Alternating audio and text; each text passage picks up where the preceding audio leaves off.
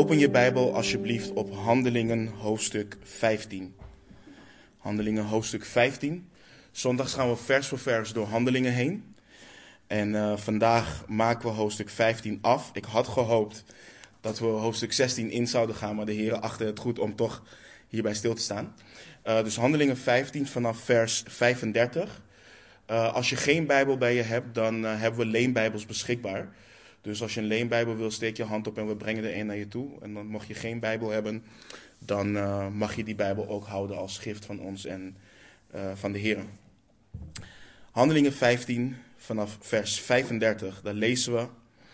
En, Paulus en Barnabas verbleven in Antiochië en zij onderwezen en verkondigden met nog veel anderen het woord van de Heer.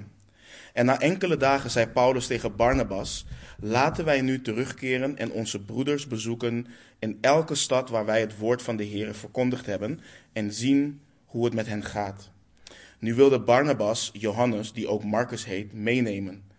Paulus achtte het echter juist om hem, die hen van Pamphylia af verlaten had en niet met, ons, met hen meegegaan was naar het werk, niet mee te nemen. Er ontstond daarom verbittering zodat zij uit elkaar gingen en Barnabas Marcus meenam en per schip naar Cyprus vertrok. Maar Paulus koos Silas en vertrok, nadat hij door de broeders aan de genade van God opgedragen was. En hij reisde door Syrië en Cilicië en sterkte de gemeente. Tot zover. Laten we bidden. Hemelse Vader, we weten dat u alles, Heer, letterlijk elk woord in uw woord heeft overgegeven om ons te vormen, Heer om ons te veranderen, om ons op te bouwen, om ons te leren wie u bent, Heer, en ook om te leren wie wij zelf zijn in u. Dus ik bid nogmaals, Heer, vervul ons met uw geest, doe een bovennatuurlijk werk. Heer, we erkennen en we weten dat we zonder uw geest um, uw woorden niet kunnen begrijpen. Dus leg het ons alstublieft uit. En uh, laat het met ons meegaan buiten deze vier muren van de gemeente. Laat ons alstublieft niet onveranderd weggaan. We bidden, we vragen en we danken in Jezus' naam. Amen. Um, we hebben vorige week stilgestaan bij een belangrijke gebeurtenis in de geschiedenis van de kerk. Uh, historici, bijbelleraren, theologen noemen dit de vergadering in Jeruzalem. En Paulus en Barnabas waren net terug van hun eerste zendingsreis. En zij deelden met de gemeente wat God allemaal had gedaan onder de heidenen dat hij de deuren van het geloof voor hen had geopend.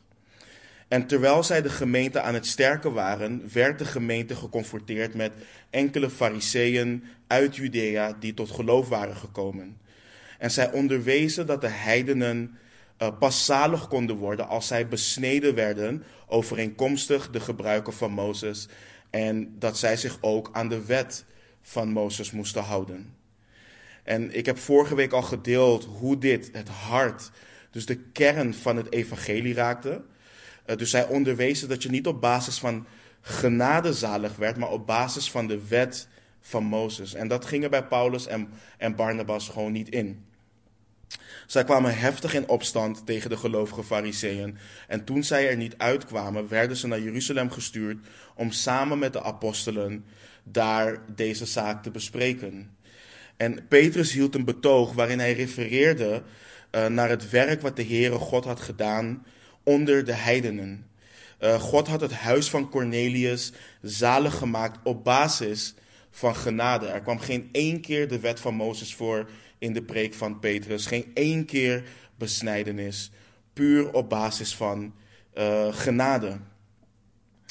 Um, en, en, en twee essentiële versen in het betoog van Petrus waren kijken of mijn. Uh, ja, hij doet het. Handelingen 15, vers 10 en 11.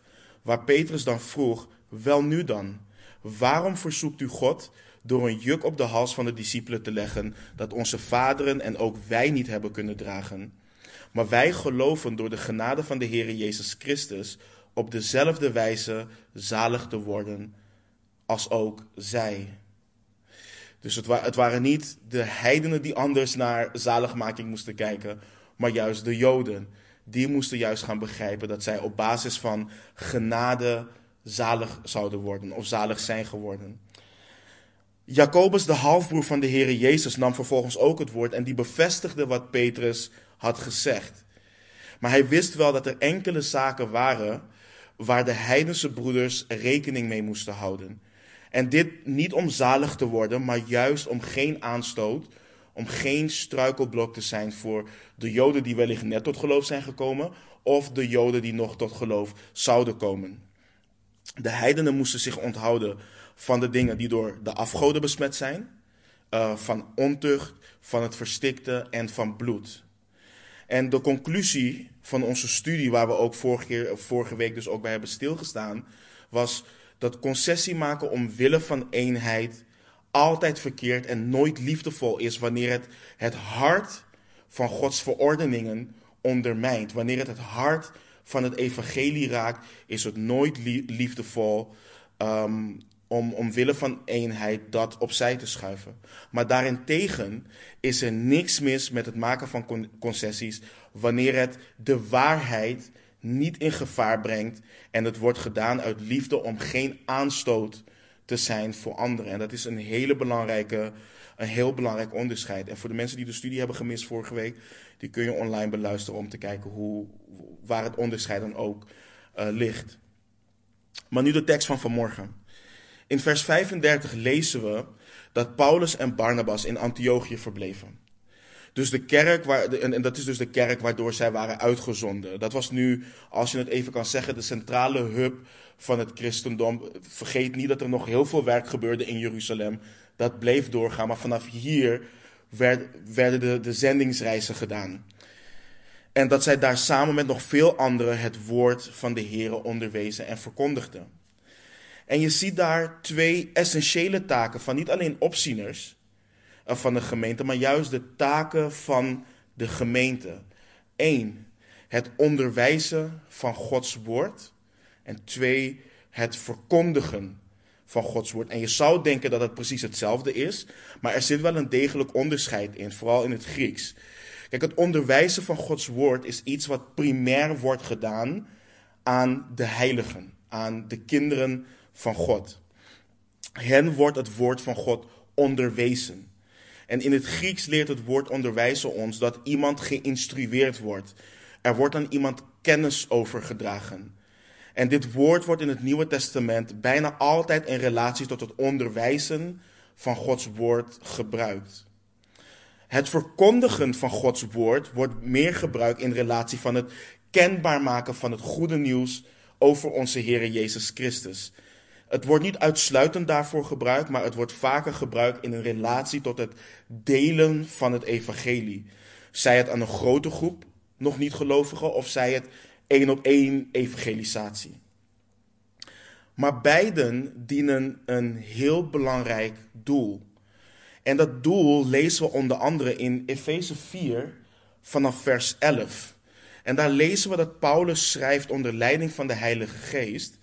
En hij heeft sommigen gegeven als apostelen, anderen als profeten, weer anderen als evangelisten en nog weer anderen als herders en leraars, om de heiligen toe te rusten tot het werk van dienstbetoon, tot opbouw van het lichaam van Christus, totdat wij allen komen tot de eenheid van het geloof en van de kennis van de Zoon van God, tot een volwassen man, tot de maat van de grootte van de volheid van Christus, opdat wij geen jonge kinderen meer zouden zijn, heen en weer geslingerd door de golven en meegesleurd door elke wind van leer, door het bedrog van de mensen om op listige wijze tot dwaling te verleiden, maar dat wij, door ons in liefde aan de waarheid te houden, in alles zouden groeien naar Hem die het hoofd is, namelijk Christus.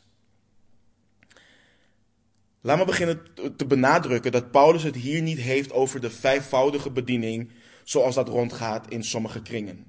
Maar dat is een, dat is een hele andere studie. Maar de focus nu is het volgende. God heeft mensen gegeven die zijn woord verkondigen. En nogmaals, let op, ik heb hem nu vanaf vers 12, we lezen hem nog een keer. Let op de reden waarom God deze mensen heeft gegeven om de heiligen, dat zijn de kinderen van God, dat is iedere wedergeboren christen, om de heiligen toe te rusten tot het werk van dienstbetoon, tot opbouw van het lichaam van Christus. Dat, dat zijn alle christenen wereldwijd samengevoegd. Dat is het lichaam van Christus. Waarom? Totdat wij allen komen tot de eenheid van het geloof en van de kennis van de Zoon van God tot een volwassen man of vrouw, tot de maat van de grootte van de volheid van Christus. Om een hele belangrijke reden, opdat wij geen jonge kinderen meer zouden zijn, heen en weer geslingerd door de golven en meegesleurd door elke wind van leer, door het bedrog van de mensen om op listige wijze tot dwaling te verleiden. Maar dat wij, door ons in liefde aan de waarheid te houden, in alles toe zouden groeien naar Hem die het hoofd is, namelijk Christus. God wil dat zijn heiligen toegerust worden tot het werk van dienstbetoon, tot opbouw van het lichaam. Dit is iets wat niet Paulus heeft verzonnen. Dit is iets wat God wil. Er staat, God heeft hen gegeven voor dit doel. Hij wil dat al zijn kinderen komen tot de eenheid van het geloof en van de kennis van de Zoon van God, tot een volwassen man of vrouw, tot de maat van de grootte van de volheid en, uh, van Christus. En dat we geen jonge kinderen meer zouden zijn, die heen en weer geslingerd worden en meegesleurd worden door elke wind van leer. Voor de mensen die bijvoorbeeld de Hebreeënbrief kennen, daar schrijft de, de, de, de auteur die schrijft ook van, jullie zouden nu inmiddels al volwassen moeten zijn. Jullie zouden dit al moeten kennen door de waarheid die al aan jullie overgeleverd is. Dit is wat de Heere wil. En weet je, broeders en zusters, dit is een van de redenen, want in de Bijbel vinden we heel veel redenen. Maar dit is een van de redenen waarom wij hier uitgaan van de schrift, gegeven door de Heilige Geest alleen. Dat is waarom wij de schrift onderwijzen. Dat is waarom wij niet preken, maar Bijbelstudie doen. En op woensdag, op zondag bij de vrouwen en bij de mannen samenkomsten. Met de kinderen achter doen we Bijbelstudie. We onderwijzen en verkondigen Gods woord om deze redenen. En ik bid dat dit mag landen in ons hart, zodat we zien dat dit is wat de kerk hoort te doen. Want sommigen zeggen, en terecht, hè, sommigen zeggen, het gaat om het aanbidden van God in geest en waarheid. En daarop zeg ik amen. Maar hoe kun je God in geest en waarheid aanbidden als je Hem niet kent? Hoe kun je aanbidden wat je niet kent? Hoe kun je liefhebben wie je niet kent? Hoe kun je zijn stem verstaan als je niet weet hoe en wat hij gesproken heeft? Hoe toets je bijvoorbeeld wat een beleidende broeder of zuster zegt als woord van de Heer te hebben ontvangen voor je leven, als het woord van Christus zelf niet in rijke mate in jou woont? Hoe kun je dat toetsen? Hoe kun je de geesten beproeven? En ik geniet ervan wanneer ik zie wat de apostelen deden. Want soms kunnen we hier zo overheen lezen, zo makkelijk overheen lezen. Nee, dit is iets wat Paulus, Barnabas en de rest van de apostelen deden. Maar dit is iets wat de kerk hoort te doen. Geen entertainment en al dat soort dingen. Simpelweg het woord van God verkondigen. Dat is waartoe de geest hen leidde. En dit staat hier overgeleverd om ons terug te brengen naar de kern. Terug naar wat belangrijk is, opdat we volwassen christenen worden en toegerust worden tot het dienstbetoon van God. En na een tijd zien we in vers 36 dat Paulus en Barnabas, uh, dat Paulus aan Barnabas voorstelt om terug te keren naar de heiligen in de steden waar zij het woord van God hebben verkondigd. Uh, om te kijken hoe het met hen gaat. Paulus deed het vaker. En als je een je ziet hier een belangrijk onderscheid in ook de zendingsreizen die wij tegenwoordig hebben. Of de, de um, evangelisatietoeren die we tegenwoordig hebben. Waar we langs steden gaan of waar we ergens naartoe gaan. En we een opwekking willen zien, mensen tot geloof komen en die mensen gewoon achterlaten. Nee, je ziet hier dat zij bezorgd zijn over hoe gaat het met onze broeders en zusters. Zijn ze geworteld in de Heer? Groeien ze in de Heer, opdat dat ook vrucht kan dragen en daar de opwekking verder kan gaan. Niet dat we steden langs gaan en zeggen: Oh, hier hebben we een opwekking en we laten ze aan hun lot over. Nee, we gaan door zodat we hen kunnen sterken. Zoals Timotheus bijvoorbeeld ook gestuurd naar de Thessalonicensen om hen in hun geloof te sterken en te bemoedigen. Dus het ding is ook, we hebben tegenwoordig zo'n verlangen. En ik geloof ook dat het een oprecht verlangen is om mensen tot geloof te zien komen. Maar we moeten nooit vergeten dat God ook wil dat mensen gesterkt worden in hun geloof. Dus daar moeten we ook actief mee bezig zijn. Actief bezig zijn met discipelschap. Maar dit zal dus het begin van hun tweede zendingsreis worden. En in versen 37 tot en met 41 lezen we dat Barnabas uh, zijn neef Johannes, die ook Marcus heet, wilde meenemen. Maar Paulus vond het niet verstandig om Marcus mee te nemen. Want hij had hen in Pamphylia had hij hen achtergelaten en was hij teruggegaan naar Jeruzalem. En er ontstond dus een verbittering tussen Paulus en Barnabas, waardoor zij dus uit elkaar gingen. Barnabas Marcus meenam en naar Cyprus, dus naar zijn geboorteplaats ging uh, per schip. En Paulus koos Silas. Uh, dit is dezelfde Silas die met hem meegegaan was vanuit Jeruzalem, die een oudste was in Jeruzalem. En nadat ze samen door de broeders aan de genade van God waren opgedragen, vertrokken ze en reisden ze door Syrië en Cilicië en sterkten ze daar de gemeente. Uh, ik zei het net al, ik wilde eigenlijk doorgaan naar uh, hoofdstuk 16 vandaag. Maar ik kwam niet verder, omdat hier hele belangrijke en waardevolle observaties en toepassingen voor ons in zitten.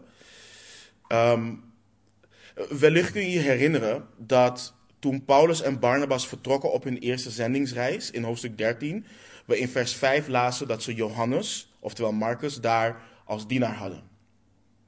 En iets verder in vers 13 van hoofdstuk 13 lazen we dat Paulus en Barnabas in Pamphylia aankwamen en Marcus dus wegging.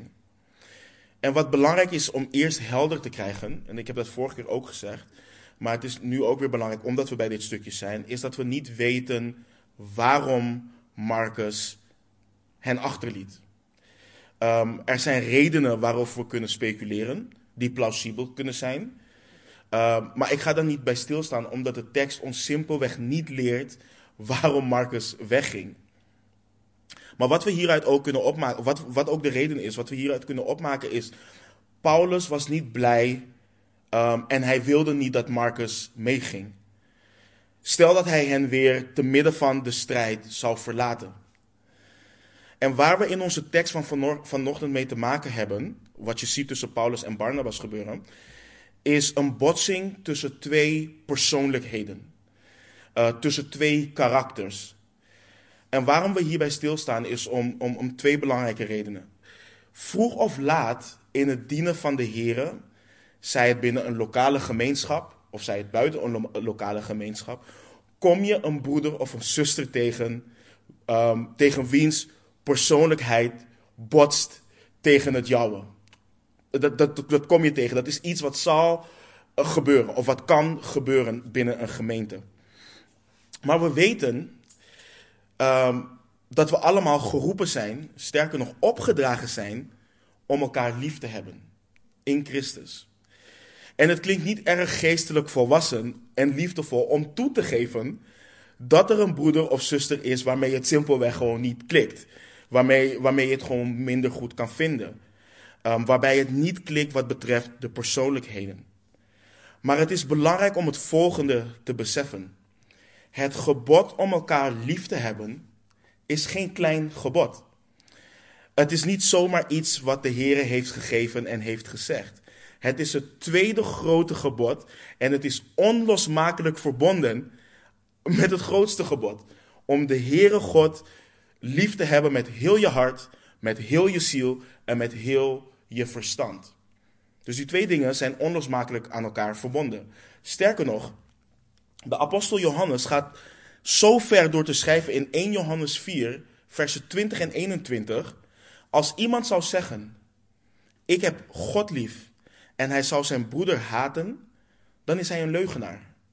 Want wie zijn broeder die hij ziet niet lief heeft, hoe kan hij God lief hebben die hij niet gezien heeft? En dit, is het gebod, en dit gebod hebben wij van hem, dat wie God lief heeft, ook zijn broeder moet lief hebben. Dus Johannes gaat zo ver door te zeggen, als wij zeggen dat we God lief hebben, maar we houden niet van onze broeder of onze zuster, dan zijn we leugenaars. Dan houden we dus niet van onze broeder en onze zusters. Dus de eerste reden is dat we vroeg of laat in het dienen van de Heer in een lokale kerk een broeder, tegen, of, een broeder of zuster tegenkomen wiens persoonlijkheid botst met of tegen het jouwe aan. De tweede reden waarom we hier ook bij stilstaan is om te voorkomen dat als of wanneer zoiets gebeurt, we niet ontmoedigd raken en stoppen met het dienen van de Heer en ons keren tegen Gods kerk. Soms raakt men zo ontmoedigd of cynisch over de kerk of over onze broeders en zusters vanwege een botsing die ze hebben waargenomen binnen de kerk of die ze zelf hebben ervaren. En het kan zelfs zo ver gaan dat men tot de conclusie komt: weet je, die christenen, allemaal hypocrieten. Ik heb de kerk niet nodig, ze zijn niet liefdevol. Ik hou van God, ik hou van christenen op een afstand, maar de kerk, daar wil ik niks mee te maken hebben. En, we en dit, dit gedeelte leert ons om om te gaan met dit soort situaties.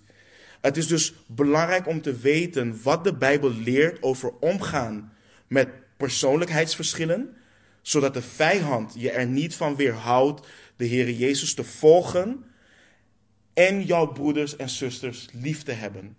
En een ander belangrijk ding is dit. Ik heb dat, altijd, ik heb dat heel vroeg geleerd toen ik, nog een, toen ik nog een ongelovige was. Toen had ik ook van alles te zeggen over de kerk. Ja, het zijn allemaal hypocrieten en ik heb ook allemaal dingen meegemaakt in de kerk. En de meeste van jullie weten dat de Laan mij tot de Heer heeft geleid en hij zei dit tegen mij. In de Bijbel staat wat God wilt met en voor zijn kerk. In de Bijbel staat hoe God wil dat broeders en zusters met elkaar omgaan.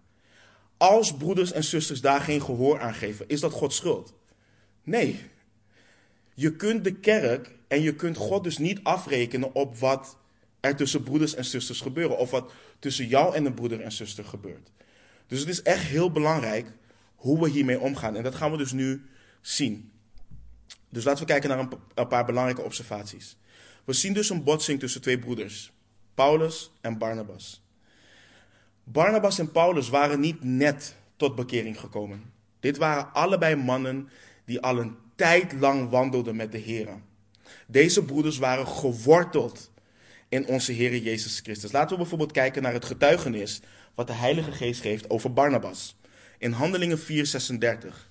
En Jozef, die door de apostelen ook Barnabas genoemd werd, wat vertaald betekent een zoon van vertroosting, een Leviet, afkomstig uit Cyprus. Dus een zoon van vertroosting, een Leviet.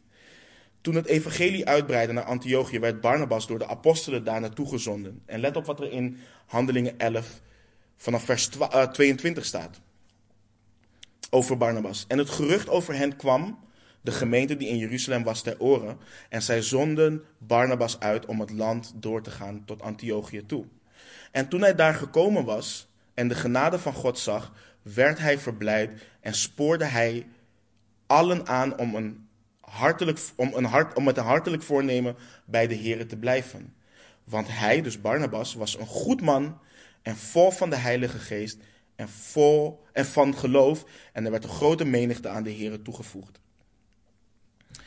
In de brief naar de gemeente in Antiochië over het geschil met betrekking tot zaligmaking, wat we vorige week hebben behandeld, werd er over zowel Barnabas en Paulus geschreven dat het mensen zijn die hun leven over hebben voor de naam van onze Heer Jezus. Dus Barnabas en Paulus waren doorgewinterde christenen.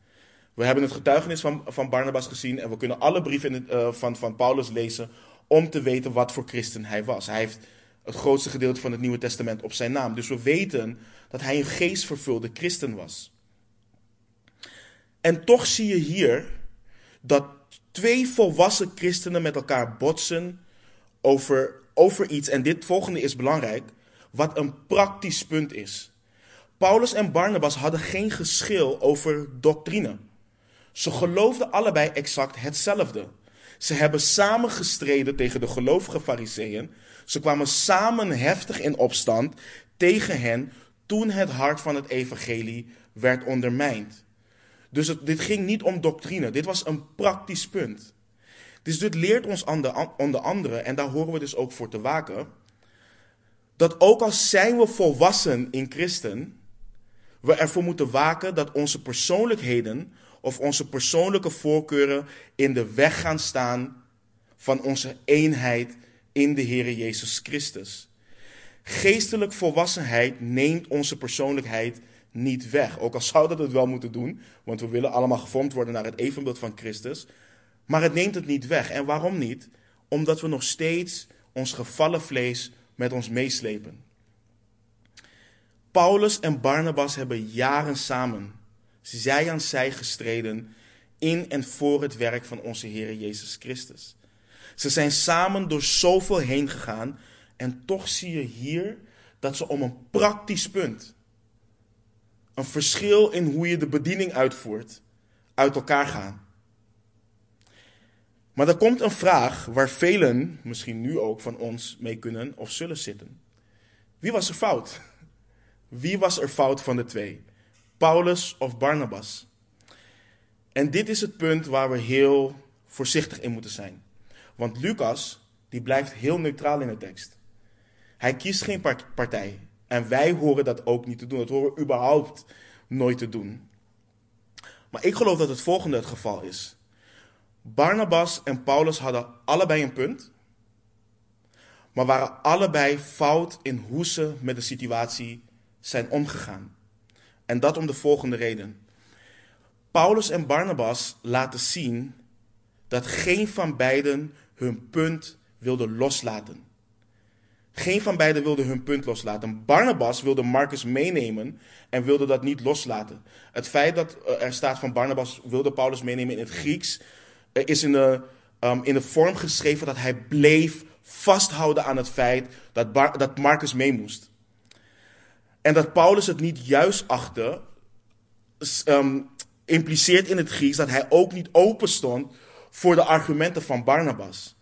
En dit leidde dus tot een punt dat er verbittering ontstond. En dit leert ons in het Grieks dat de gemoederen echt hoog opliepen. Er was sprake van zware irritatie richting elkaar. En dit kwam voort uit hun karakter. Dit kwam voort uit hun mening over hoe zij de bediening wilden uitvoeren. En ik zei net dus ook al dat als zijn we geestelijk volwassen, we moeten blijven waken. Ehm, en wat we hier zien is dat hetgeen, en dat is heel belangrijk, hetgeen wat de kracht was van Paulus en Barnabas, dat werd ook hun zwakte in dit geschil. En wat ik hiermee bedoel is het volgende. Ik las net voor dat Barnabas, dat Barnabas zoon van vertroosting betekende. En dat was een kracht van Barnabas. Hij ontfermde zich over mensen. Hij stond altijd op voor mensen wanneer anderen hen uit de weg gingen.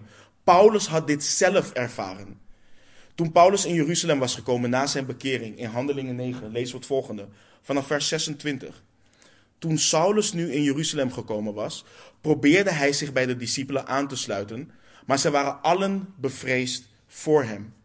Want zij geloofden niet dat hij een discipel was. En dan lezen we in vers 27.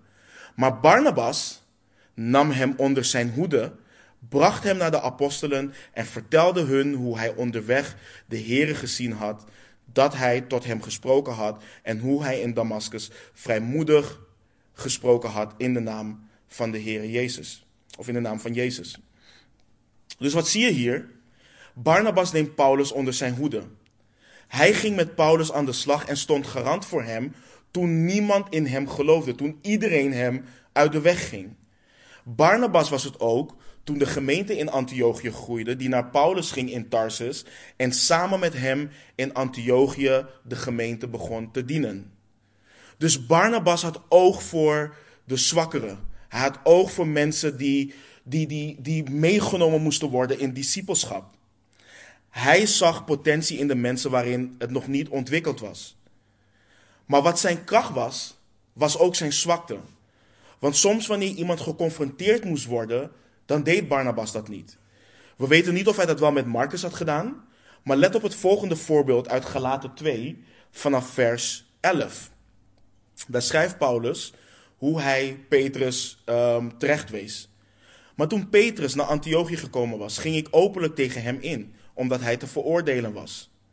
Want voordat er enkelen uit de kring van Jacobus gekomen waren, at hij samen met de heidenen. Maar toen zij kwamen, trok hij zich terug en zonderde zich, uit, zonderde zich af uit vrees voor hen die van de besnijdenis waren.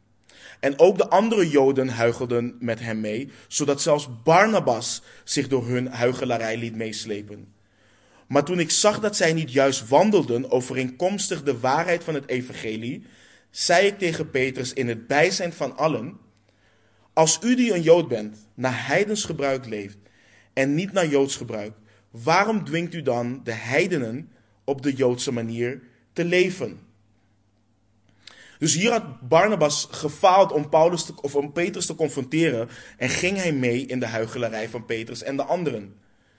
Dus soms kan het net zo zijn dat je vaak het goede in anderen ziet, maar daardoor faalt op te treden wanneer er opgetreden moet worden. Maar hetzelfde kan dus ook van Paulus gezegd worden. Want wanneer je de brieven van Paulus leest en wanneer je verder gaat in handelingen, dan zie je dat Paulus iemand was die koste wat het kost voor de Heer Jezus ging. En dat wil niet zeggen dat Barnabas dat niet deed, maar je ziet dat Paulus gekenmerkt werd door zijn vastberadenheid en dat hij iemand was die geen blad voor de mond nam wanneer het ging over het woord van God en de wandel van een persoon in de Heer Jezus. We zagen het net in het voorbeeld hoe hij Petrus publiekelijk terecht wees. Het maakte Paulus niet uit wie je was. Als je het qua doctrine of wandel fout had, dan zou hij je confronteren. En dat allemaal wel uit liefde, maar hij deed het wel. Maar dat was ook Paulus zijn valkuil. Want daar waar Barnabas zich ontfermde over anderen en inzag dat iemand die nog onvolwassen was op een specifiek gebied, hield Paulus daar weinig rekening mee. Want in het volgende hoofdstuk zie je bijvoorbeeld hoe Paulus Timotheus meeneemt, omdat van hem een goed getuigenis werd gegeven.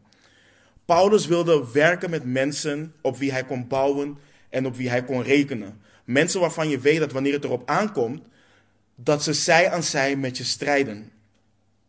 Dus je ziet hier hoe de kracht van Paulus en Barnabas juist hun zwakte uh, kon worden. Ondanks het feit dat ze volwassen waren in de Heere Jezus Christus. En dat is een hele belangrijke les voor ons. Want ik hoor bijvoorbeeld vandaag de dag, en dat hoor je heel veel in evangelische uh, uh, kringen. Dit is hoe ik ben. Dit is nou eenmaal mijn karakter. En die uitspraken geven mij persoonlijk vaak een triest gevoel. Want het geeft aan dat je content bent met wie en met hoe je bent. En dat de rest moet dealen met wie en hoe je bent. En dat is niet hoe onze houding in Jezus Christus hoort te zijn. Want wanneer we tot God komen, is God niet klaar met ons. Zolang we ons onvergankelijk lichaam nog niet hebben, is God bezig met ons te heiligen en met ons te vormen. Let op wat Paulus hierover schreef in Romeinen 8, 29. Want hen die hij van tevoren gekend heeft, heeft hij er ook van tevoren toebestemd om aan het beeld van zijn zoon gelijkvormig te zijn, opdat hij de eerstgeborene zou zijn onder vele broeders. Nou, ik zal jullie vertellen, en ik weet dat het niet als een shock bij jullie komt, maar dat ik weet dat ik bij lange na niet gelijk ben aan het beeld van onze Heer Jezus Christus. Ik weet dat God nog zoveel in mij moet snoeien en dat Hij dat ook aan het doen is. Ik weet dat ik nog moet groeien in kennis, in wijsheid, in liefde, in genade, barmhartigheid, geduld en noem maar op. En ik weet dat het niet alleen voor mij geldt, maar dat dit geldt voor iedere broeder en zuster in onze Heer Jezus Christus. Dus de opmerking, dit is wie ik ben, ik weet wie ik ben, ik weet hoe ik ben, dat is iets waarvoor wij moeten waken als christenen. Dat is iets wat wij horen af te leggen. Want let op, want in heel veel kringen horen we dit ook. Um, kom zoals je bent tot de Heer Jezus Christus. En in zekere zin geldt dat ook zo, want Hij neemt ons en Hij wast ons schoon. Maar we horen niet te blijven zoals we zijn. En let, op, let ook wat de Heer Jezus zegt in Lucas 9:23. Als iemand achter mij wil komen, moet hij zichzelf verloochenen, zijn kruis dagelijks opnemen en mij volgen. Dus in zekere zin is het waar dat we komen tot de Heer Jezus zoals we zijn, maar aan de andere kant is het ook weer niet waar. Want let op wat het betekent in het Grieks om jezelf te verloochenen. Het houdt onder andere in dat je jezelf afwijst. Dat is wat het impliceert in het Grieks. Je verwerpt jezelf. Je weigert het om je met jezelf te identificeren. Het houdt onder andere in dat je bewust afstand doet van de regie in en over je eigen leven. Je doet afstand van jouw zogenaamde recht om jezelf te kunnen zijn. of jouw eigen ideeën van wie of wat je wilt zijn. Je geeft God de regie over jouw leven. En dat houdt dus ook in over je wandelen, over je handelen en over je denken. En waarom ik dit benadruk is dat we soms dus de houding kunnen ontwikkelen. Ik ben vergeven van mijn zonde en that's it. Maar God wil ons niet alleen redden, Hij wil ons ook veranderen. Hij wil ons heiligen. En in, in, in dit soort discussies of in dit soort verbitteringen is het vaak zo dat we blijven bij ons eigen standpunt. Wat ze wel eens zeggen, toch, we zetten ons hielen of onze hakken in het zand en we blijven bij wie wij zijn en wat wij geloven. En waar we op moeten letten is dit. Onze zonden of zonde staat een ander altijd beter dan onszelf. We zien het altijd eerder bij een ander dan bij onszelf. Een simpel voorbeeld en een heel belangrijk voorbeeld. Koning David, een man naar Gods hart. We weten allemaal wat hij heeft gedaan, hoe hij de vrouw van een andere man heeft genomen. En wat gebeurt er met David? David denkt dat hij gewoon rein staat voor God, dat alles goed is. En dan komt de profeet naar hem toe. En die komt met een illustratie over iemand die iets van iemand anders heeft genomen wat niet van hem was. En hij, zegt, en hij vraagt aan David, wat moet er met die man gebeuren? Wat zou er met die man moeten gebeuren? En David wordt woest. Hij moet gedood worden. En alles moet hersteld worden voor die man wat is afgenomen. En dan confronteert de profeet hem, jij bent die man. Jij bent de man die een vrouw van iemand anders heeft genomen. En wat ziet David? David wordt woest om de zonde van de ander die hij zelf heeft begaan. En, en, en, vaak in verbitteringen, in discussies, zijn we niet in staat om naar onszelf te kijken en te denken: Oh, wacht eens even. Ik ben ook gevallen en ik kan het ook fout hebben. En ik denk bij dit soort dingen altijd terug aan wat David schreef, de man van Gods hart, in Psalm 139, vers 23 en 24. Doorgrond mij, o God, en ken mijn hart. Beproef mij en ken mijn gedachten. Zie of er bij mij een schadelijke weg is en leid mij op de eeuwige weg. David was een man die wist dat hij van God hield en dat hij God wilde gehoorzamen. Versen hierboven of hiervoor zien we dat hij, dat hij schrijft hoe hij de dingen haat die God ook haat. En hij walgde van de mensen die tegen God opstonden. Maar toch, toch vraagt David: Doorgrond mij, o God. Ken mijn hart, beproef mij en ken mijn gedachten. Zie of er bij mij een schadelijke weg is en leid mij op de eeuwige weg. En broeders en zusters, het is belangrijk dat we deze nederige houding ontwikkelen. Het is essentieel voor de eenheid en de opbouw van zowel de lokale gemeente als het lichaam van Christus om zo'n hartsgesteldheid te hebben. Want we hebben allemaal zwakheden. Nogmaals, en, en, en het maakt dus ook niet uit hoe lang je met Christus wandelt. We hebben allemaal zwakheden. Let bijvoorbeeld op de discipelen. En dat vind ik altijd zo'n bijzonder voorbeeld. De discipelen, vanaf het moment dat de Heer hen riep. Vanaf dat moment hebben ze iedere dag met de Heer Jezus gewandeld. Iedere dag. Ze hebben ieder wonder gezien. Ze hebben elk woord gehoord wat uit zijn mond kwam. Ze hebben gezeten aan zijn voeten toen hij de zaligsprekingen die we in vanaf Matthäus 5 lezen. Ieder moment hebben ze aan zijn voeten gezeten. Ze hebben gehoord hoe ze hun vijanden moesten liefhebben en hoe ze hen moesten zegenen. Deze, deze mannen. En wat deden ze tijdens de paasmaaltijd voordat Christus gekruisigd werd? Ruzie maken over wie het grootste zal zijn in het koninkrijk van God. De mannen die dag en nacht aan de voeten van de Heer Jezus hebben gezeten. Deze mensen kunnen zeggen: luister, ik heb gewandeld met Christus. En toch maken ze ruzie over wie de grootste in het koninkrijk zal zijn. Dus het is belangrijk en we moeten weten dat wij niet hierboven staan. Als wij denken hierboven te staan, misleiden we onszelf. En dit leven van eenheid en van, van liefde onderling, dit vergt een hoop van ons. waarbij we ons moeten laten leiden door Gods geest. Dit vergt onder andere wat we net hadden gelezen, ook zelfverloochening. Wat ik net ook al zei, nederigheid, maar ook een hele belangrijke verdraagzaamheid. En ik benader voor de volgende orde nogmaals het volgende. Dit gaat over praktische punten. Dit gaat echt over oh sorry, ja, praktische punten. We hebben vorige week behandeld hoe, wat betreft doctrine en onze wandel, we geen valse vorm van eenheid creëren. We blijven liefdevol, we wijzen ook uit liefde terecht. Maar wanneer het gaat om praktische zaken, zaken die geen betrekking hebben op eeuwigheidswaarde, dan moeten we onszelf in nederigheid leren verlogenen en elkaar leren verdragen. Let op wat de apostel Paulus schreef aan de christenen in Efeze in, uh, in hoofdstuk 4 vanaf vers 1. Zo roep ik, de gevangenen in de Heer, u op tot een wandel die de roeping waarmee u geroepen bent waardig is.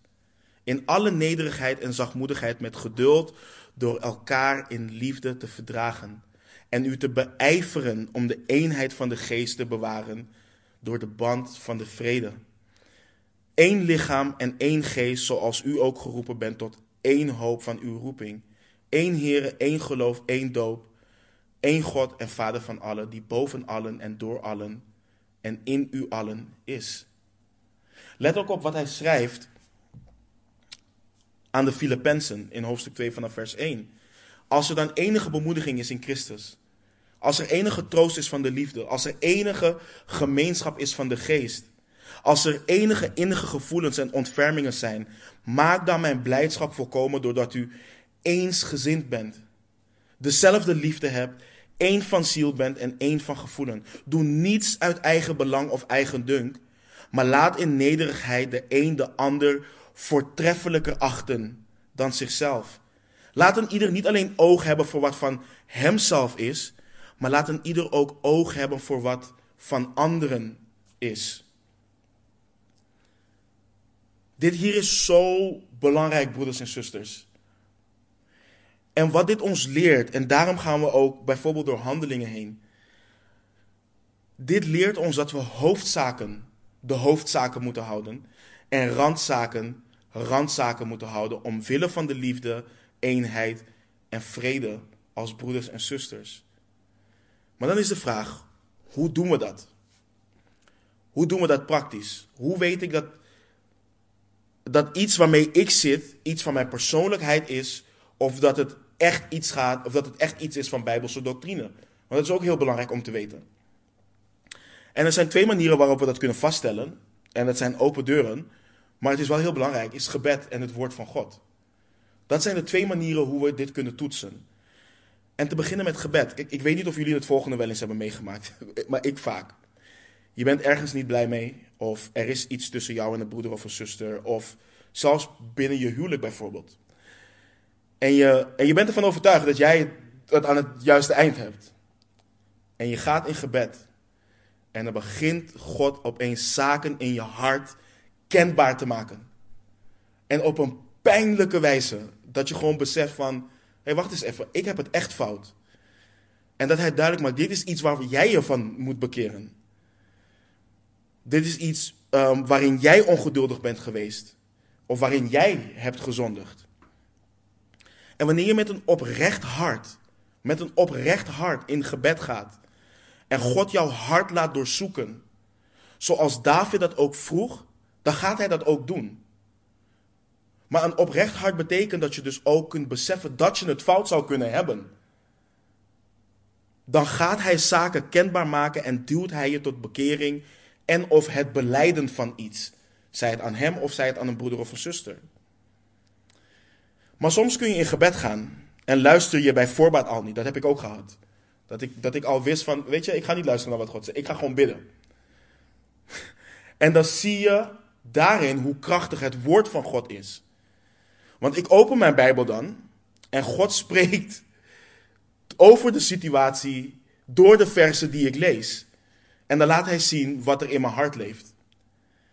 En daarom kan ik bijvoorbeeld hier niet, en dat we ook op woensdag en wanneer dan ook, Hebreeën 4:12, genoeg citeren. Want het is echt waar wanneer de schrijver schrijft, want het woord van God is levend en krachtig en scherper dan enig tweesnijdend zwaard. En het dringt door tot op de scheiding van ziel en geest, van gewrichten en merg, en het oordeelt de overleggingen en gedachten van het hart. Dit is geen tegeltjeswijsheid. Dit is het woord van God en dit is waar. En de sleutel nogmaals in zowel gebed als het doorzoeken van het woord is nederigheid. Het vereist een nederige houding waarin je denkt, hoe oprecht je ook denkt te zijn, je hart arglistig is boven alles en je jezelf dus zou kunnen misleiden. En je dus alsnog oprecht fout kunt hebben. En daarom is het belangrijk dat we bereid zijn om te vragen aan God. Heren, help mij om dit vanuit het perspectief van mijn broeder of mijn zuster te zien. Of help mij om dit te zien vanuit uw perspectief. Of heren, is dit wat mijn broeder of zuster zegt? Is dit waar? En moet ik hier wat mee? Is dit iets waar ik oprecht mee aan de slag kan? Want de tendens is ook, en zeker wanneer we gegrond zijn in het woord van God, is dat we over en weer kunnen gooien met Bijbelversen. Nee, want hier staat dit. Ja, nee, maar jij bent fout, want hier staat dit. En hoe klein de situatie is, hoe klein de situatie ook is, je hebt er altijd een Bijbelvers voor. Je kunt er altijd eentje verzinnen. Maar ik geniet van wat Paulus bijvoorbeeld aan Timotheus schreef in 2 Timotheus 2 vers 7. Denk na over wat ik zeg, maar laat de Heere u inzicht geven in alle dingen. En daarmee bedoelt Paulus niet dat God wat anders zou zeggen dan wat hij in zijn woord heeft gezegd. Maar dat hij juist inzicht geeft in hoe en wanneer pas je de versen toe die je citeert. Dus wanneer we ons in zo'n situatie bevinden, is het belangrijk om na te gaan. Wat speelt hier zich nou echt af? Nogmaals, Paulus en Barnabas verschilden over een praktisch punt, niet over doctrine. Maar ze faalden er allebei in om de Here hun inzicht te laten geven, of hun inzicht te geven over dit praktische geschil. En, en dat is jammer, want later zul je zien dat Marcus gegroeid is in de Here. Ehm, zo gegroeid is dat Petrus hem onder zijn hoede neemt. En dat hij uiteindelijk het evangelie van Marcus, wat we kennen, dat hij dat schrijft. En dat Paulus zelfs het volgende over hem schrijft. Aan Timotheus. Alleen Lucas is bij mij. Haal Marcus op en breng hem met u mee, want hij is voor mij van veel nut voor de ambtelijke bediening. Aan Filemon schrijft Paulus over Marcus zelfs dat hij een vertroosting voor Paulus is geweest. En dit laat ons zien dat als broeders en zusters we ons best moeten doen om de liefde en de eenheid te bewaren, om de Heer samen te blijven dienen en om samen kerk te blijven zijn, ondanks het feit dat we enorm kunnen schillen, verschillen van elkaar qua karakters. En dat houdt dus ook in dat we hen lief hebben die we moeilijk vinden om lief te hebben. Het, het, is gewoon, sommige broeders en zusters liggen ons heel gemakkelijk, dat kan. Maar de Heere zei niet, heb de broeders en zusters lief die je gemakkelijk liggen. Hij zei gewoon, heb je broeders en zusters lief. Dat is wat hij zei. En hij zei niet ook, wanneer het makkelijk is, heb ze lief, altijd. Hij zei in Johannes 13, 34, een nieuw gebod geef ik u. Namelijk dat u elkaar lief hebt zoals ik u lief gehad heb, moet u ook elkaar lief hebben. En we lezen hier soms overheen, of we, we, weten dat dit mooi is, maar hoe heeft de Heer Jezus ons lief gehad? Op een zelfopofferende manier. Hij heeft ons lief gehad door zichzelf te geven opdat wij mochten leven. Hij heeft dit vrijwillig gedaan. Een keuze. Ook al wist hij dat we niet in perfectie zouden wandelen als christenen, heeft hij zichzelf toch gegeven. En dit is wat onze onderlinge liefde hoort te kenmerken. Dat we elkaar op een zelfopofferende manier lief hebben. Dat we ervoor kiezen. En wat we moeten nagaan, let op wat er staat, een nieuw gebod geef ik u. Dat het een gebod is, houdt in dat dit niets met gevoel te maken heeft. Helemaal niets. Liefde is een keuze. Het is een bewuste keuze. Dit komt dus neer op gehoorzaamheid. En daarom wil ik ook afsluiten met wat door velen wordt bestempeld als ehm, het hoofdstuk van de liefde.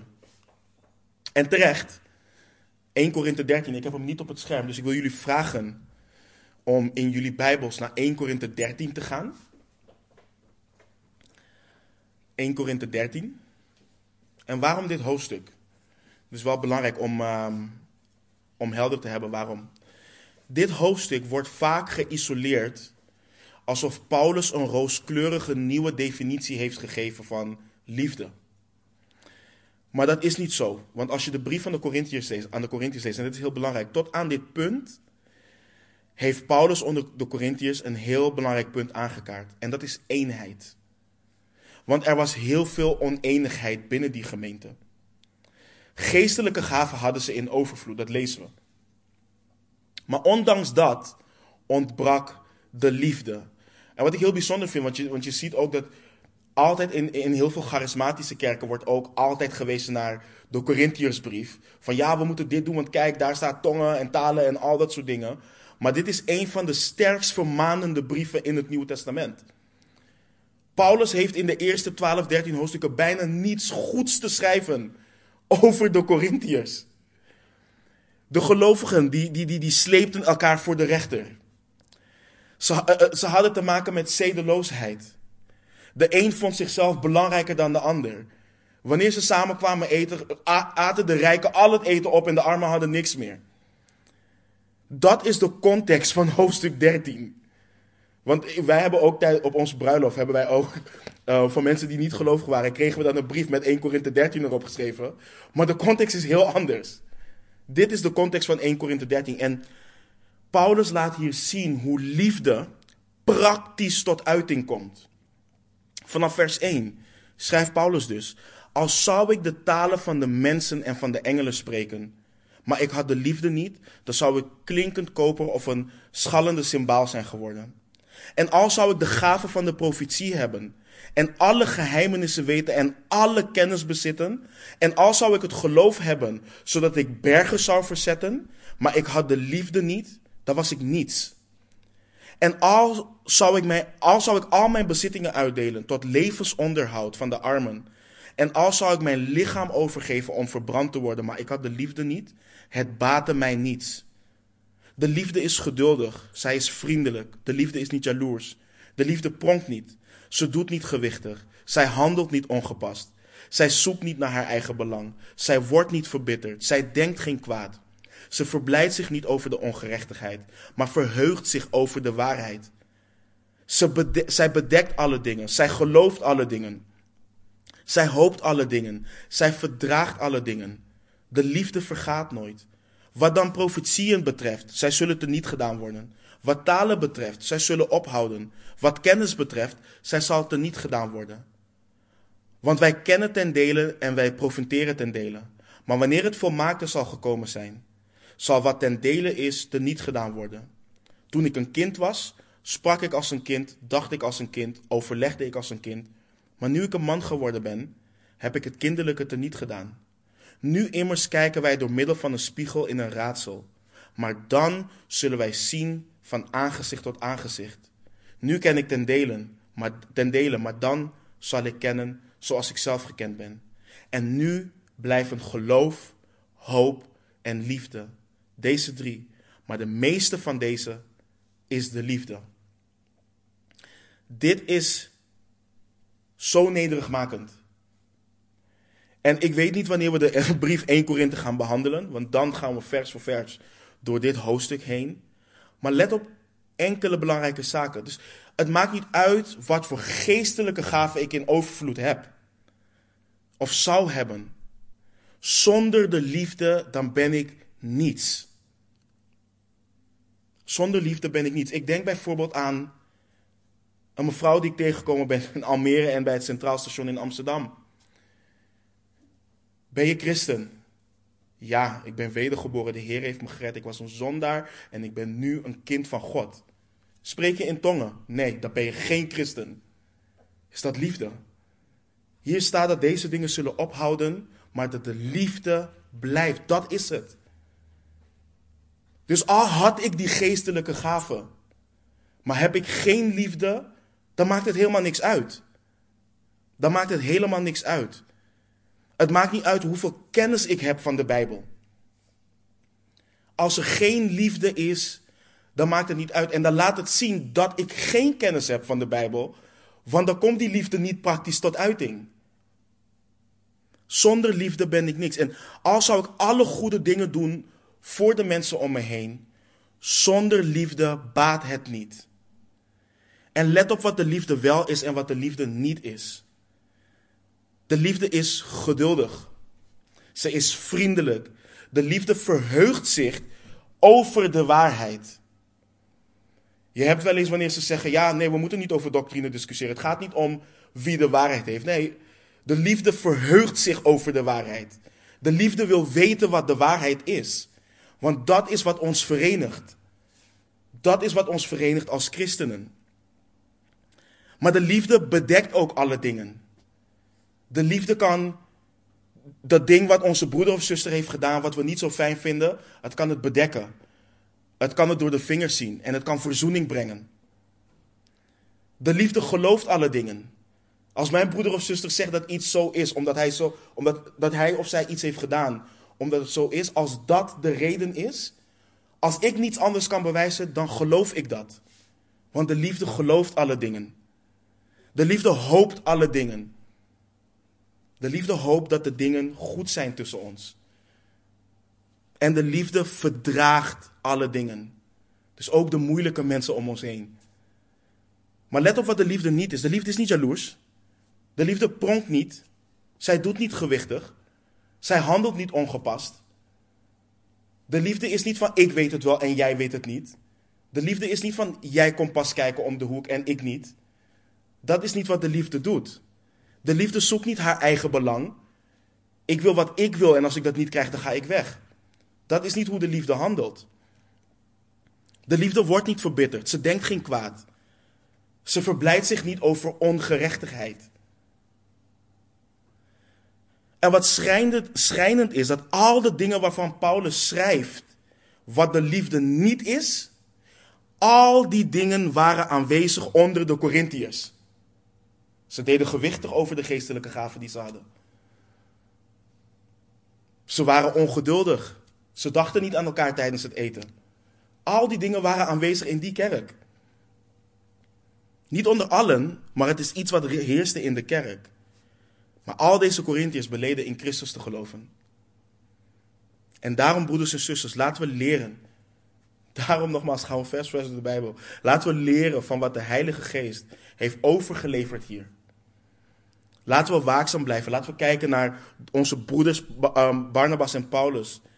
En de Heer vragen om ons een nederig hart te geven, opdat we de liefde en de eenheid kunnen bewaren omwille van onze Heer Jezus Christus. Nogmaals, oneenigheid kan gebeuren. Maar hoe gaan we hiermee om? Want we leven tegenwoordig in een vecht- of vluchtmaatschappij. Dat is hoe we leven. Kijk maar naar de, de, ehm, Ehm, het, het, percentage van echtscheidingen. Kijk alleen daarnaar. Kijk naar hoe kerken stuk gaan. Er is een boek wat heet ehm, in het Engels Church Fights. En in dat boek staat letterlijk dat kerken uit elkaar gaan omdat ze het niet eens worden over de kleur van het tapijt. Over de kleur van het tapijt in de hal. Daardoor gaan kerken uit elkaar. Dat mensen het niet eens worden over het feit waar wordt het avondmaal geplaatst. Hoe wordt het avondmaal uitgedeeld? Moet men zelf opstaan of moet, moet het rondgebracht worden? Dat soort dingen. Dat zijn de dingen waar kerken over ehm, uit elkaar gaan. Dat niet de juiste muziek of wat dan ook wordt gedraaid. En we leven in een samenleving dat als je zegt, of dat, dat ons leert, als je niet krijgt wat je wilt, ga het ergens anders zoeken. Ga weg en zoek het ergens anders. Zoek naar iets wat beter bij je past. En dat is ook de kerk ingeslopen. Vind je de manier waarop de dingen in de kerk niet worden gedaan leuk of niet leuk? Dan zien we dat als een teken dat God ons ergens anders wilt hebben. Maar ik zie geen enkel voorbeeld daarvan in de Bijbel. Het enige voorbeeld wat ik in de Bijbel zie waarom iemand weggaat bij een kerk, is vanwege valse doctrine. Omwille van valse doctrine. En omwille van het feit dat mensen niet wandelen overeenkomstig de doctrine die is overgeleverd in de schrift. En we moeten leren dat wat Paulus en Barnabas hier fout hebben gedaan, dat wij dat niet doen. Dat wanneer een broeder of een zuster naar ons toe komt en ons wijst op dingen die tegen het woord van God ingaan, dat we het hart hebben om dat aan te nemen in liefde, omdat onze broeder of zuster ons wilt wijzen op iets en ons in ere wilt herstellen bij de Heer. En we gaan weg. En dat is, dat is het ding. We gaan tegenwoordig weg voordat we God de ruimte hebben gegeven om een oplossing te bieden. En dat is niet hoe God het wilt. Maar het andere ding is, soms komen we er niet uit, zoals Paulus en Barnabas er niet uitkwamen. En gaan we onze eigen weg. Maar laten we dat altijd doen, voor zover het aan ons ligt, zonder verbittering. En met een rein hart, een goed geweten en een ongeveinsd geloof. Amen. Laten we bidden. Hemelse Vader, Heer, het is bijzonder, Heer, het, het werk wat u doet, Heer, als het gaat om uw lichaam. Het feit dat u mensen bij elkaar brengt, Heer. Mensen met bagage, gebroken mensen. Mensen met hun eigen persoonlijkheden. En dat u op de een of andere manier, door wat u aan het kruis gedaan heeft en doordat u ons uw geest gegeven heeft, dat u ons aan elkaar geeft en dat er liefde is, Heer. Maar soms gaat het mis. En ik dank u voor het feit dat u ons uw woord gegeven heeft, Heer. En dat u ons leert om in liefde met elkaar om te gaan. En dat u ons leert dat u wilt dat we elkaar leren verdragen, Heer. mijn gebed is hier, in het bijzonder voor de lokale gemeente hier, Heer. Dat u die eenheid houdt, Heer. Brengt en houdt binnen deze gemeente. Heer, dat u onze ogen gericht houdt op u. U die de voleinder en leidsman bent van ons geloof. Heer, want wanneer we onze ogen houden op u, dan weten we dat we gericht zijn op hetzelfde. En dan kunnen we elkaar leren verdragen. En dan kunnen we genadig en barmhartig zijn richting elkaar. En ik bid u, Heer, dat de dingen die gesproken zijn, Heer, dat alles wat van u is, dat we dat mogen toepassen in onze harten. Heer, dat dit niet simpelweg blijft bij, oh ja, ik weet dat ik mijn broeder of mijn zuster moet liefhebben, maar. Nee, dat we weten dat het gewoon zo is. En dat u ons daarin bekrachtigt. En dat we ons beijveren ook, Vader, om dit te doen, om u te gehoorzamen hierin. En om te blijven beseffen dat we gebroken en gevallen mensen zijn. En dat we allemaal onder uw genade staan, Heer. Heer, ik hou van u. Ik dank u voor mijn broeders en mijn zusters. Ik dank u voor deze gemeente. Ik dank u voor uw lichaam wereldwijd, Heer. Heer, en ik uh, zie uit naar wat u allemaal gaat doen, Heer. In Jezus' naam. Amen.